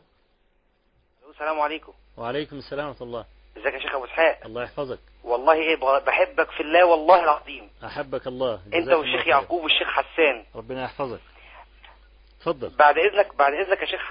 يا شيخ أبو إسحاق ماشي، على حاجة كلنا. واحد، أنا في بعض. الأحيان أنا عارف والله يا شيخ وأنا عارف والله اتفضل فبعض الأحيان يا شيخ أبو إسحاق لما بخش أتوضى مثلا بقضي حاجتي وبستنجى نعم. وبتوضى بحس بعد الوضوء قبل بداية الصلاة أو يجيلي شك بسيط إن ممكن تكون في مثلا حاجة أو كده يعني يعني من البول.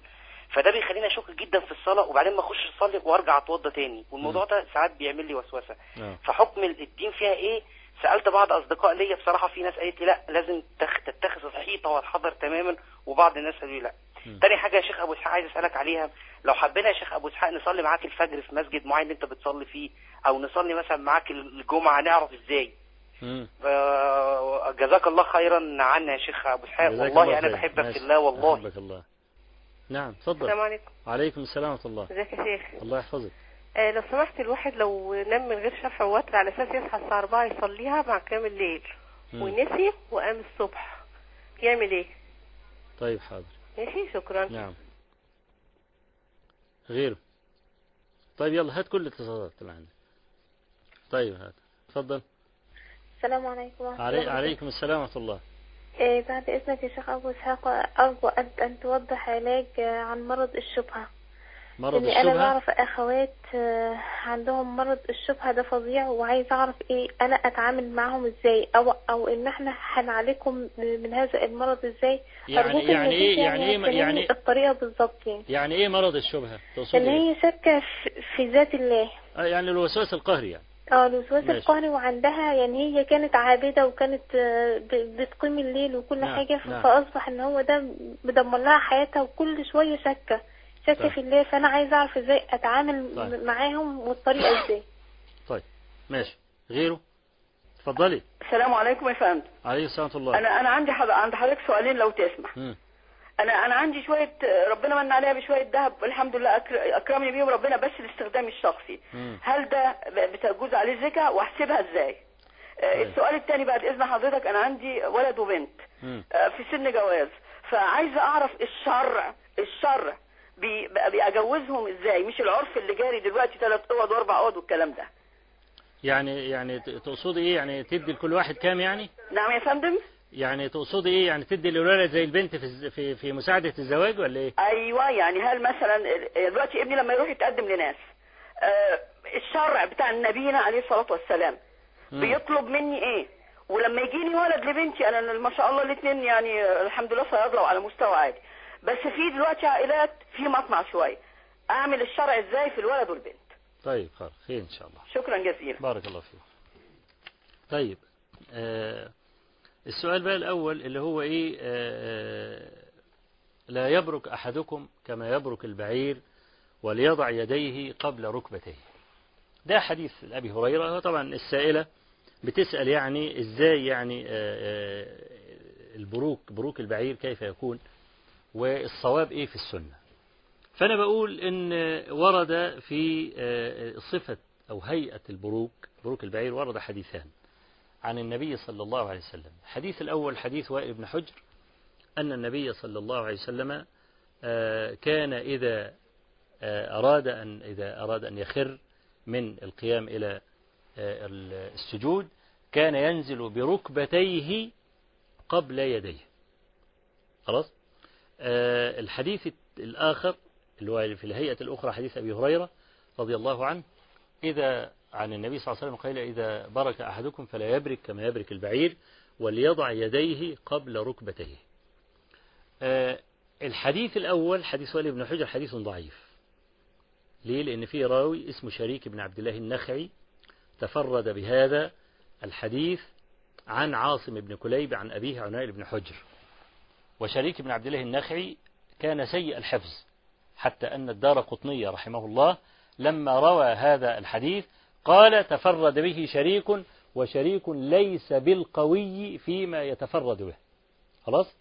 واللي روى عنه يزيد ابن هارون ويزيد سمع من شريك بن عبد الله النخعي في حال اختلاطه وفي حال ثباته. فأصبح دلوقتي إحنا على شك من رواية يزيد ابن هارون. لكن على أي حال شريك تفرد بهذا الحديث يبقى الحديث ده ضعيف.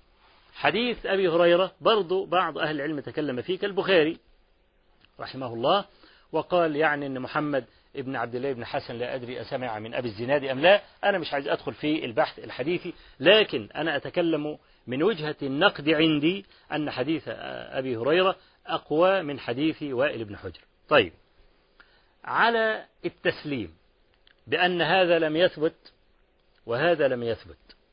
تعالوا نشوفوا كيف يبرك البعير. البعير ده ماشي على أربع. يعني الرجلين القدامانيين دول اسمهم.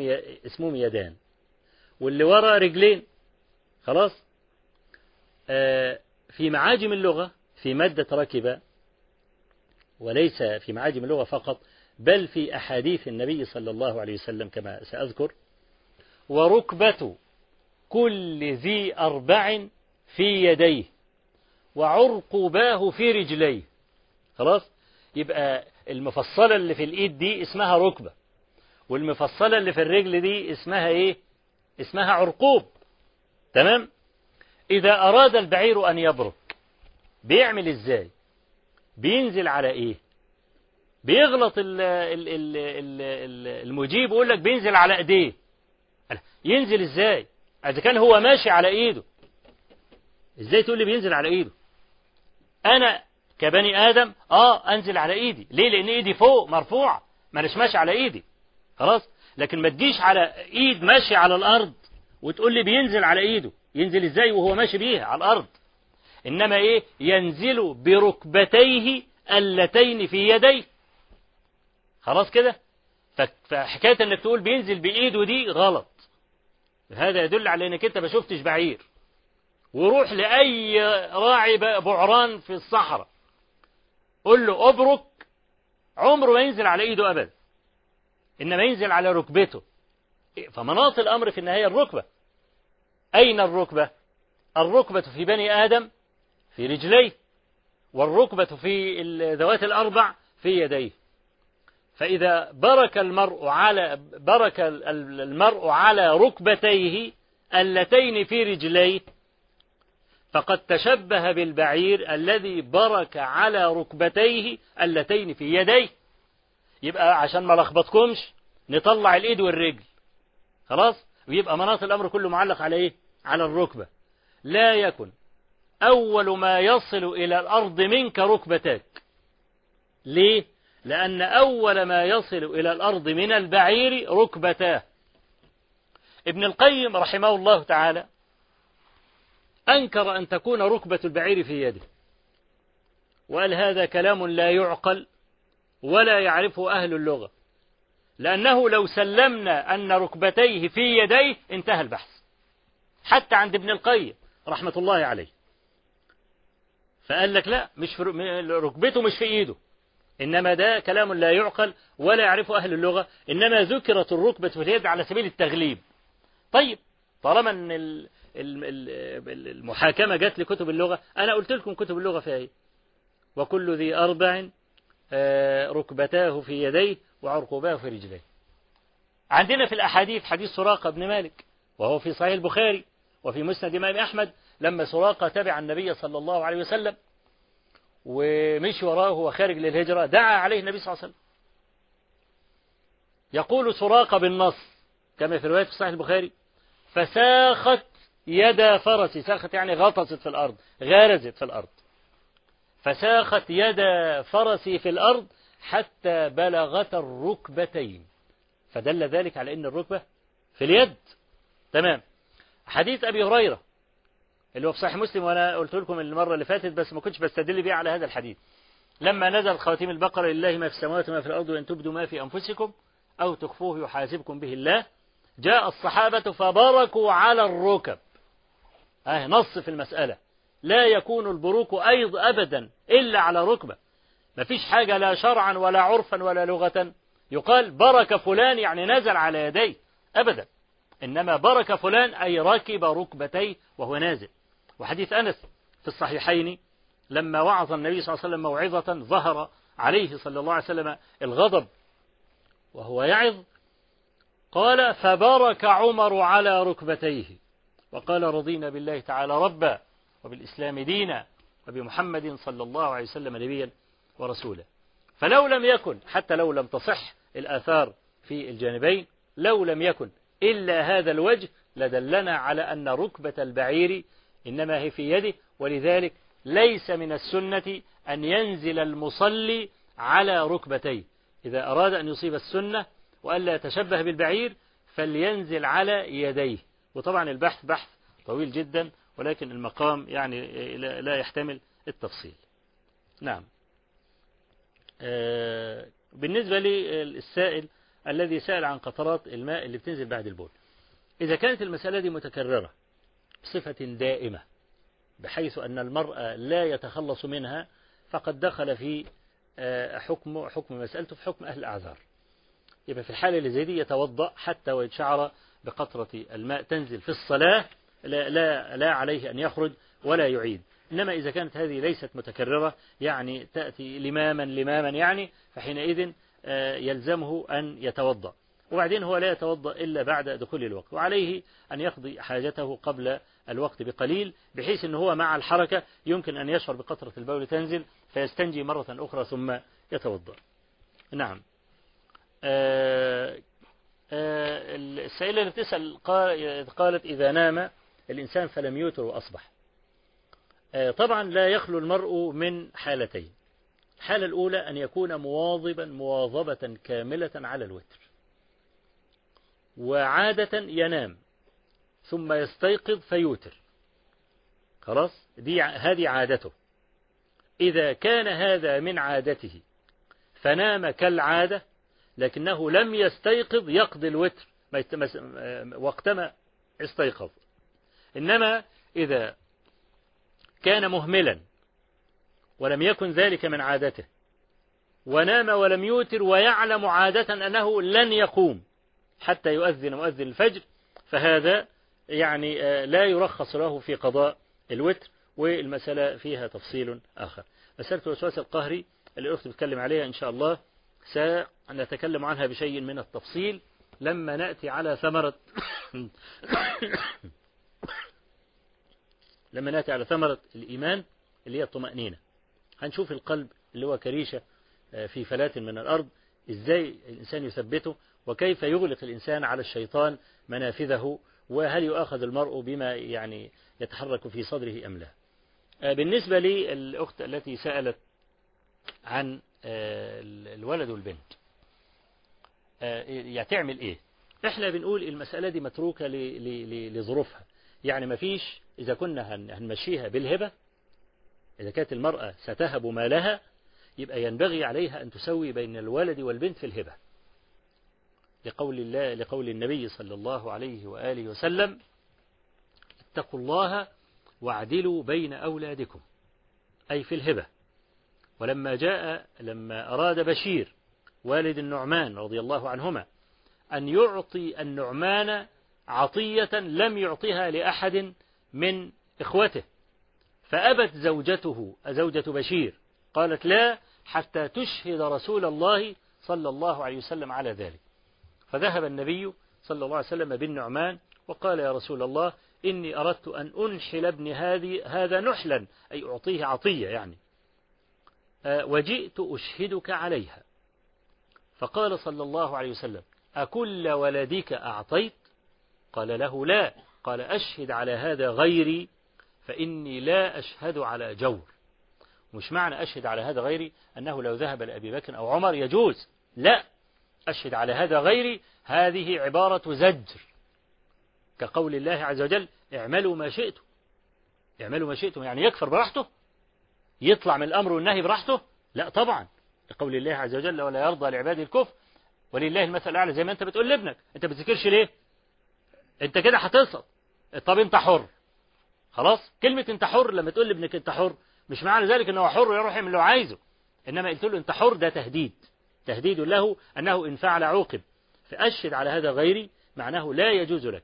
وفي صحيح مسلم قال أتحب أن يكونوا لك في البر سواء قال نعم يا رسول الله. قال فاعدل بينهم. ليش أي مصلحة للأب أن يفضل ولد على بنت. في الهبة يستوي الأولاد مع البنات. فعشان بقى تطيب نفس البنت كما طابت نفس الولد أو طابت نفس الولد كما طابت نفس البنت يبقى خلاص يبقى معروف أن كل واحد له مال معين يعطاه عند الزواج. البنت ممكن تاخد تترجم هذا المال لذهب لأي حاجة هي تعوزه. وبعدين الآباء لا يبخلوا على البنات. ما يقولش يا رايحة في عنق رجل وبتاع وأنا ما أديش أموالي للرجالة زي ما بيحصل الناس بيحرموا البنات من الميراث. يقول لك لا الولد ده من صلبي ولد ده هو اللي بيصرف الكلام ده إنما هي راحت لزوج ينفق عليها. لا الكلام ده كلام غير صحيح. والله عز وجل هو الذي قسم الأموال بين الناس. فلذلك يعني أنا أوصي الأخت اللي هي السائلة أن تسوي بينهما في الهبة. آه هذا وأسأل الله تبارك وتعالى أن يجعل ما سمعناه وما قلناه زادا إلى حسن المصير إليه وعتادا إلى يمن القدوم عليه إنه بكل جميل كفيل وهو حسبنا ونعم الوكيل وصلى الله وسلم وبارك على نبينا محمد والحمد لله رب العالمين